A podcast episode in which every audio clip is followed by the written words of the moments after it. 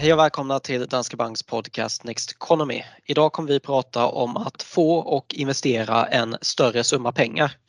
Men innan det så har vi som vanligt veckans Aktuellt och det är rapportsäsongen den här veckan. Och den har ju kommit ganska långt, framförallt i USA som alltid är först ut. Och där har drygt hälften av alla bolag rapporterat och 82% har släppt bättre resultat än väntat.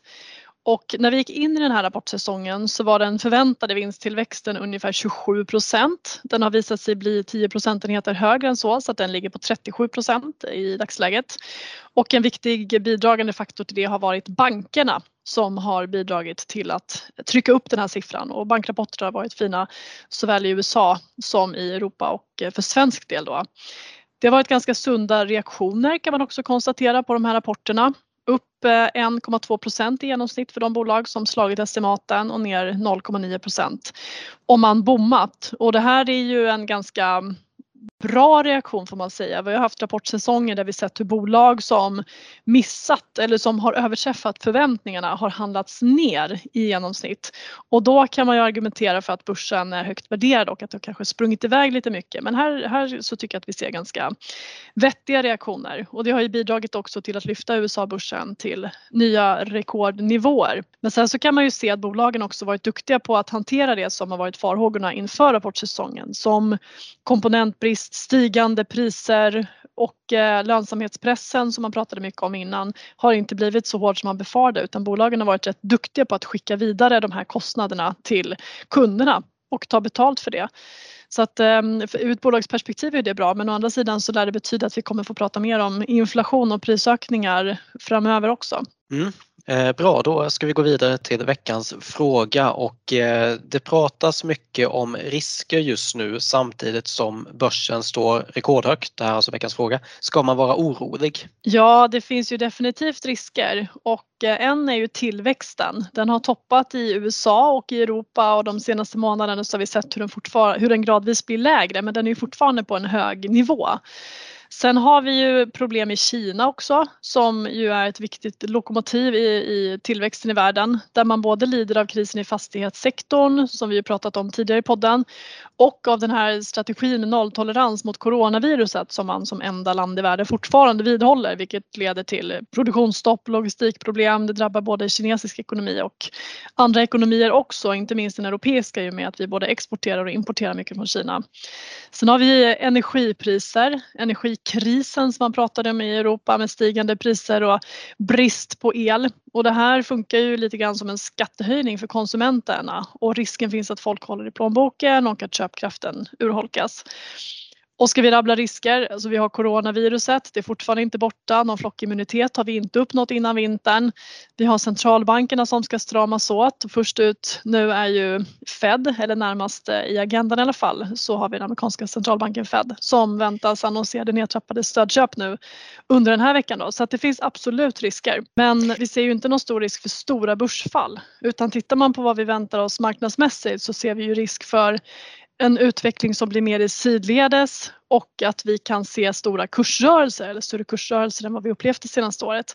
Men det är ju inte så att vi pratar om någon lågkonjunktur utan vi har fortfarande en bra vinsttillväxt i bolagen och en stark tillväxt i ekonomin. Så att det handlar ju snarare om lite normal turbulens än att vi ska se något, något jätteras på aktiemarknaden. Ja och eh, det här är väl risker som ändå har varit med oss ett tag. man, eh, man ser, alltså det är ändå covid-19, allting är på något sätt covid-19 relaterat. Bakgrunden till alla de här sakerna som ökad inflation och ökade energipriser och eh, flaskhalsar i distribution och så här. Det blir ju ändå något, en effekt av, av covid-19 kan man väl säga. Ja det blir det ju. Det är väldigt mycket som är kopplat till krisen och eh, det gäller ju även penningpolitiken som ju skruvades upp till max eller kanske i alla fall nära max under krisen med stödköp och räntesänkningar tillbaka ner till noll.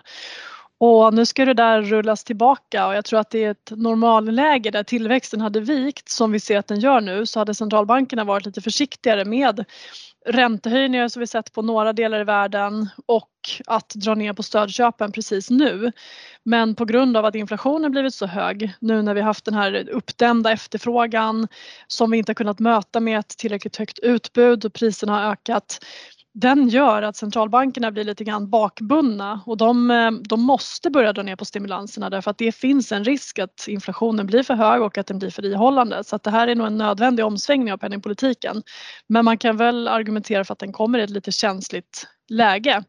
Men eh, marknaden än så länge har stått emot det här ganska bra. Vi har haft lite turbulens på börsen men i USA så handlas det fortfarande nära all time high efter den återhämtning som vi sett under oktober. Så um, marknaden tycks inställd på det här men vi får väl se vad som händer när man väl börjar dra bort likviditet. Då ska vi gå vidare till veckans ämne eller dagens ämne och eh, det handlar ju då om den här vanliga frågan om man ska investera en stor summa pengar direkt eller om man ska dela upp den i små delsummor. Och det här är något som UBS har skrivit en del om så vi kommer delvis då utgå från deras principer. Ehm, och de skriver bland annat att orsaken till varför man kan få en stor summa, det kan ju vara flera orsaker, men de vanligaste är ju kanske ett arv eller att man har sålt ett företag. Och eh, om det är så att man har sålt ett företag så skulle ett problem då för en entreprenör kunna vara att man är van vid att ha alla sina pengar investerade i sitt eget bolag och det kan då vara svårt att gå från det till att sätta ihop en portfölj med olika tillgångsslag.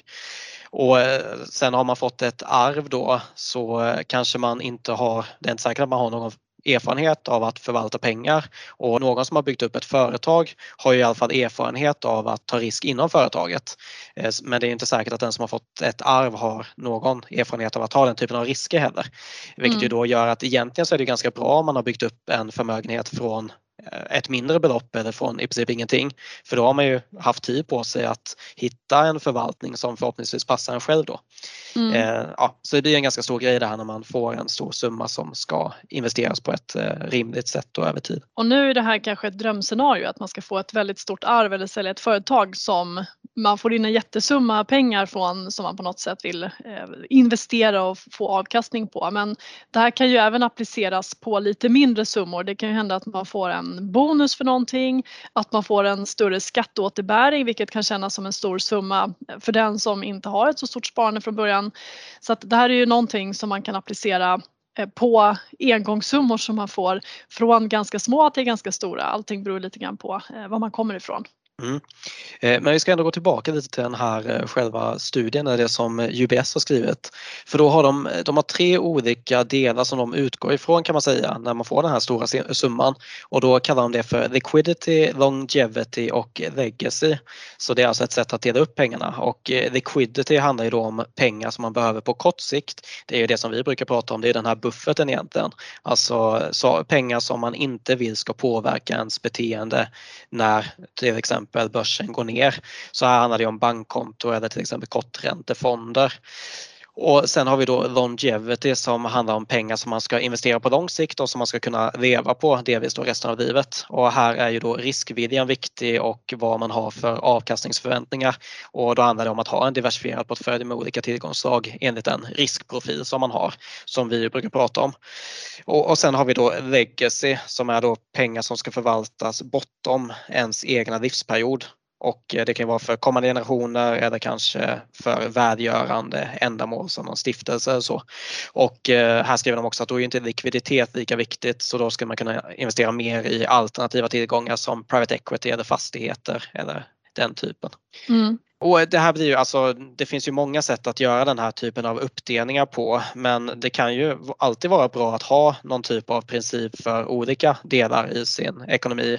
Alltså så att du har det här buffertsparandet, du har ett långsiktigt sparande som är kanske för dig själv och sen så har du då en, någon typ av pensionssparande. Eh, så det går ju att ta med sig oavsett vem man är då. Mm. Och just när det gäller det här med likviditet så är det ju rätt viktigt att det finns pengar som man kan ta av för kortsiktiga behov. Och om man har en summa pengar som man ska investera men som man behöver inom en, en överskådlig framtid, säg om ett år eller inom ett eller två år för att man ska köpa en bostad. Då är ju risken för hög att man, eh, om man sätter det på börsen och sparandet kan falla i värde precis när man behöver det och man kan tvingas sälja vid helt fel tillfälle. Så att kapital som man behöver i den här ska ju helt enkelt inte stå på börsen. Så att det är bra att göra den här uppdelningen och titta på vad finns det som jag kan ha behov för den närtid. Vad är det jag sparar på lite längre sikt till pensionen till exempel? Och vad eh, kanske jag också ska ha lyxen att kunna föra vidare till kommande eh, generationer. Mm. Något som de skriver om också är ju att även om man har investerat pengar tidigare så blir det en annan sak om man får en stor summa pengar plötsligt. Alltså mm. det är skillnad på att investera 100 000 och 100 miljoner om man skulle ta ett extremexempel. Eh, mm. Så det är inte säkert att man till exempel kan hantera en nedgång i en större summa lika bra som med en mindre summa. Eh, så det kan ju vara bra att ha i åtanke då. Men eh, några fallgropar som de skriver om när man har fått en större summa förutom det då, det är ju till exempel exempel marknadstiming, det är någonting som vi brukar prata om. De skriver att S&P 500 handlas inom 5% av sitt ATH, alltså all time high, 60% av tiden och bara under 12% av tiden handlas S&P 500 20% under den senaste rekordnivån. Vilket ju då innebär att kostnaden för att vänta på en nedgång eh, kan bli ganska stor för det kan ju ta månader eller år innan en nedgång mm kommer. Så att, eh, liksom, för egentligen så vill man kanske då ta den här stora summan och investera den på eh, botten såklart men det är inte så enkelt att göra. Det är, också, det är också svårt psykologiskt att Precis. i ett läge där börsen faktiskt har fallit 20 eller 30 eller 40 eller 50 procent att då våga ta en stor klumpsumma och stoppa in den när det är dramatiskt och domedagsprognoserna står som spön i backen. Det är inte heller helt enkelt. Nej precis och det är faktiskt som Peter Lynch brukar säga att mer pengar går förlorade när investerare förbereder sig för nedgångar eller försöker förutse nedgångar än som förloras i själva nedgången. Mm. Eh, det tenderar att vara så att man inte tjänar så mycket på den här marknadstimingen och det har vi faktiskt ett exempel på. Precis och eh, vi har ju tittat på hur det ser ut om man investerar 10 000 kronor varje år i 25 år. Så att totalt 250 000 kronor som man då stoppar in på börsen. Och det vi har tittat på det är om man lyckas tajma börsen perfekt varje år. Det vill säga att man köper på den lägsta noterade kursen varje år under 25 år. Vi har tittat på hur det ser ut om man har usel timing, man har köpt på den absolut högsta noteringen under varje år eller om man inte haft någon timing alls utan man har helt enkelt köpt den första börsdagen varje år oavsett om börsen stått högt eller lågt. Och hade man då haft perfekt timing och köpt när börsen stått som lägst, då hade de här pengarna som man investerat vuxit till 1 067 000 kronor och det är såklart en jättefin värdeutveckling eh, från investerade 250 000. Hade man haft en bedrövlig timing, köpt när börsen står som högst varje år, då hade de här 250 000 vuxit till 850 000. Så att det hade ju varit ungefär eller drygt 200 000 mindre när man hade haft perfekt timing. Men skillnaden är ändå inte så stor som man hade kunnat tro. Och hade man då inte haft någon timing alls, vilket kanske är det mest sannolika, att ibland hade man köpt lite billigare, ibland högre och ibland någonstans mittemellan. Ja, då hade det här kapitalet vuxit till 981 000. Så att det är 8% mindre än om man hade haft perfekt timing. Så mm. um, slutsatsen av detta blir ju att så timing spelar väldigt liten roll. Det är viktigare att du är investerad på marknaden överhuvudtaget än huruvida du köper idag eller nästa vecka när börsen eventuellt gått ner några procent eller kanske står ännu högre. Man ska mm. inte fundera så mycket över det där utan det är bättre att börja investera direkt, fortsätta göra det på regelbunden basis. Ja och sen också om du inte har investerat överhuvudtaget, om man har tagit med det exemplet när man inte har investerat någonting de första en, två, tre, fyra, fem åren och bara sitter och väntar på den där börskraschen, då kommer du få ett mycket sämre resultat. Mm. Eh, så pengar på börsen slår timing av börsen nästan alltid. Mm. Eh, en annan fallgrop, förutom det här med marknadstiming, är att man kanske bara vill investera i det man känner till. Det är något som de tar upp också. Och det skulle kunna vara att man bara vill investera i samma bransch till exempel som den man hade företag inom. Eh, men det man gör då är att man missar diversifieringen som ju är A och O när man ska förvalta kapital. Och eh, här skriver de också att det finns ju två tankefel som ligger bakom det. Dels då home bias eller familiarity bias, då vår tendens att anta att det är mindre riskfyllt att investera i det som vi känner till trots att vi minskar risken i portföljen genom att diversifiera. Det blir en motsättning där. Och dels också något som kallas för endowment effekt som då innebär att vi har svårt att släppa taget om sådant som vi redan äger. Så det är alltså svårt att då ge sig ut från den branschen som, som man känner till och in i något helt annat. Mm. Och det här ser man ju ofta när nya människor kommer in på börsen eller nya sparare att man tar för hög risk kopplad till antingen ett enskilt bolag, till en bransch, en sektor eller för den delen helt enkelt svenska aktier. Så att det är lätt att göra det just i jakten på trygghet och att köpa det man känner till men då missar man ju å andra sidan eh, majoriteten av allt det spännande som finns på världens aktiemarknader som kommer bidra till en bättre riskspridning och jämna ut svängningarna och minska risken för misstag. Mm. Och sen eh, visst, eh, alltså det kan ju finnas en poäng i att investera i sånt du känner till om du ska vara en stockpicker och eh, tänker dig att du ska överavkasta marknaden över tid. Men då, då ska du också lägga ner tiden på det. Alltså du ska lägga ner de här kanske 40, 50, 60 timmarna i veckan om du nu ska ha den där möjligheten. Och eh, om du ska det göra ingen, det Det är som... ingen garanti för framgång heller ska man betona då. Exakt och även då om du ska göra det så är det ju fortfarande bättre att du gör det med en liten del av ditt kapital i så fall. Så snarare att man tar kanske en 10 och investerar dem i enskilda aktier men att man har den där diversifierade portföljen som grund och eh, särskilt då när vi pratar om stora summor pengar som man kanske har fått. Mm. För eh, som sagt det är svårare att agera rationellt ju större betydelse pengarna har för din framtida inkomst. Mm. Ehm, och då finns det ju två vanliga implementeringsstrategier kan man väl säga när man har fått ett stort kapital och det ena är då att man investerar allting på en gång och det andra är att man sprider ut inköpen. Det är ganska enkelt att tänka sig med tanke på det som vi pratade om tidigare också med marknadstajmingen där att det bästa är ju att pengarna får jobba på aktiemarknaden så länge som möjligt så de ska ju in direkt. Det är ju det bästa men som du var inne på tidigare också rent eh, psykologiskt så är det inte så enkelt att hantera att eh, försöka då träffa nedgången om börsen har eh, fallit med 20-30-40% redan eh, och sådär. Mm. Och det är ju eh, oavsett om eh, börsen står högt eller lågt så blir det en annan sak såklart att om man har en, en större summa eh, i dagsläget som man kanske har i, på ett bankkonto då, alltså i likvida medel så kommer man ju gå från att veta precis på kronan vad det är man har att investera till att stoppa in kapitalet på marknaden och se hur det börjar fluktuera i värde. Och även om sannolikheten är god att det där kapitalet kommer växa i värde, speciellt på lång sikt, så är det ju så att man säkert också kommer få se när det där minskar i värde. Och ser man då hur det sjunker i början så riskerar man ju att bli stressad, kanske oroa sig för att det är början på någonting större och eh, i värsta fall sälja av och sen så fortsätter börsen uppåt, vilket den brukar göra och så ska man gå in på en högre nivå. Så det... det där ökar ju risken för misstag helt enkelt kopplade till till timing eller tro på att man kan ha någon form av timing. Mm, och det är egentligen samma sak om börsen skulle stiga kraftigt så fort när man har har eh, slängt in den här stora summan pengar. Är det så att den stiger kraftigt så ökar det ju också kanske chansen att man kommer vilja sälja de där pengarna.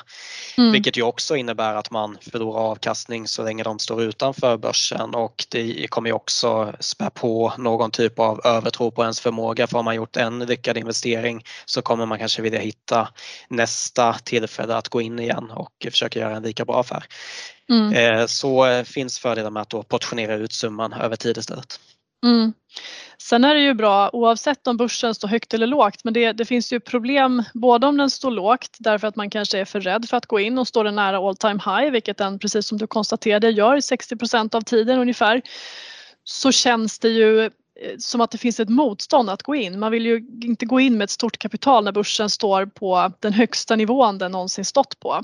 Men Nej, det, det här precis... är faktiskt ångeraversion just det här att vi inte vill ångra beslut i efterhand. Det är bland det jobbigaste som finns just att den här känslan av att jag skulle ha gjort som jag tänkte. Eh, mm. Varför gjorde jag inte så? Men det där med att sitta och vänta med kontanter på sidlinjen det kanske känns tryggt men det är ju inte heller så klokt eftersom kapitalet då tappar i värde istället på grund av inflationen. Och eh, vi har haft en ganska låg inflation under lång tid men för tillfället är den faktiskt ganska hög. Så det är också ett argument för att om man inte investerar hela klumpsumman på en gång så är det åtminstone bättre att direkt börja fasa in kapitalet eh, på marknaden och inte sitta och vänta på att det ska komma en rejäl korrektion. För dels är risken att man får vänta i, i månader eller till och med åratal, inte vågar göra något i slutändan. Under tiden så blir dina pengar mindre värda och du kommer få mindre aktier för pengarna. Och sen så handlar det också om att fasa in det i en strategi som man kan hantera också. Det handlar inte bara om att det ska in i 100 aktier utan det kan ju vara så att man lägger in det i en till exempel 50-50 portfölj eller någon annan typ av portfölj som eh, enligt den riskprofil man har. Så eh, det är ju inte ett allt eller inget där heller då. Nej det är det inte. Sen så är det här också lite avhängigt, precis som du pratade om i början, men alltså hur stort kapital det är man har fått tillgång till. För att vi tenderar ju att prata om risken mätt i volatilitet, alltså hur många procentenheter kan man vänta sig att portföljen ska svänga beroende på eh, om det går upp eller ner och alltså hur stora rörelser kan man vänta sig. Men det vi ser i verkligheten det är ju hur fluktuationerna i kronor och investerar man då en väldigt stor summa då kommer de här fluktuationerna i kronor kunna bli väldigt stora och väldigt stressande. Handlar det om mindre summor så är det inte lika farligt. Så att en fråga som alltid återkommer det är ju till exempel om man har fått in en klumpsumma. Alltså skatteåterbäringen är en sån klassiker, den kommer ju varje år. Vad ska man göra med skatteåterbäringen och ska man investera hela på en gång? Och när det handlar om sådana summor som ändå är relativt små så är det ju faktiskt så att det är bättre att helt enkelt investera den på en gång eh, utifrån sin eh, tidshorisont förstås, sin risktålighet när man ska ha de där pengarna. Är det till sommarsemester nästa år då ska de stå på sparkontot. Men är det här en addition till ditt långsiktiga sparande så varför inte bara fördela ut det direkt på det som du redan har i portföljen och eh, förhoppningsvis så ska du kunna få se det här kapitalet växa med tiden. Mm. Sen finns det en risk där just med skatteåterbäring och det är ju det här med mentala konton. Det är ofta så tenderar vi att dela upp pengar för olika syfte och det tenderar kanske vara så att när man får en skatteåterbäring så ser man det som någon typ av bonus helt plötsligt så då är risken att man konsumerar upp det och det är ju det sämsta alternativet. Mm, det är det man absolut. absolut inte ska göra. Den ska Nej det ska man inte göra. Antingen sparkonto eller investeras. Eller mm. åtminstone att man konsumerar en kontrollerad del av det. Ja, absolut. Exakt. Mm. Eh, bra, då går vi vidare till veckans studie och den heter Return Stacking Strategies for Overcoming a Low Return Environment och är av Corey Hofstein och eh, Rodrigo Gordillo bland andra. Mm. Och eh, dagens lågräntemiljö gör ju att man måste ta mer risk för att få samma förväntade avkastning som man har fått historiskt eh, och i USA är det vanligt med en 60-40 portfölj, det har vi pratat om tidigare, men 60% aktier och 40% räntebärande. Men den förväntade avkastningen på en sån portfölj idag är ganska låg givet ränteläget då. Så för att öka den förväntade avkastningen bör man egentligen då öka andelen aktier. Men det kommer då med kravet som vi varit inne på i det här avsnittet också att kunna hantera de ökade svängningarna i portföljen. Eh, så det man försöker göra i den här studien istället är att bygga en portfölj med samma förväntade risk men med en högre förväntad avkastning än 60-40 portföljen. Och det gör man då genom att addera hävstång i det här fallet. Och så i studien utgår man från eh, 60-40 portföljen men så lägger man på 30% i CTA-fonder, det är alltså trendföljande strategi och 30% i systematisk global makro, alltså en global makrostrategi, det är alltså hedgefonder där. Och då lägger man det ovanpå 60-40 portföljen. Så det ger en exponering på 160 procent vilket innebär att för varje investerad krona har man 60 öre i belåning. Och eh, mellan då januari 2000 till juli 2021 skulle portföljen ha gett en årlig avkastning som är nästan 4 procentenheter högre än en vanlig 60-40 portfölj efter avgifter och avkastningen har då kommit till en liknande risk som 60-40 portföljen både mätt som drawdown och volatilitet. Eh, så tanken är då att genom att ha hävstång som en komponent vid portföljkonstruktion så ska man kunna öka avkastningen utan att behöva gå längre ut på riskskalan. Och eh, det här är såklart en fin tanke men det man ska komma ihåg är att hävstång fungerar ju alltid fint så länge allting ser bra ut. Men det är först alltså när saker kraschar ihop som det brukar gå åt eh, skogen med hävstång. Mm. Och det är ju finanskrisen ett bra exempel på. Eh, så även om jag kan sympatisera med tanke på att använda okorrelerade tillgångar i portföljen för att jämna ut svängningarna och sen då kanske addera avkastning genom att addera lite hävstång så ska man ändå vara försiktig. Så jag tror att de bästa alternativen fortfarande är då att antingen så accepterar man mer risk i portföljen, man ökar aktieandelen eller så då accepterar man helt enkelt lägre förväntningar på avkastningen. Ehm, så jag kan tycka att det är en intressant studie men jag tror fortfarande inte att man ska försöka komplicera till saker för mycket utan köp och behåll en portfölj som passar dig och eh, låt tiden göra jobbet. Det, det är ju det viktigaste. Mm. Ja, men hävstång som du säger det är ju verkligen ett tvegat svärd. I goda tider så kan det ju bidra till en högre avkastning och att man eh, kan få större utväxling på det kapital man investerat. Men som sagt när det svänger på aktiemarknaden så går det ganska fort.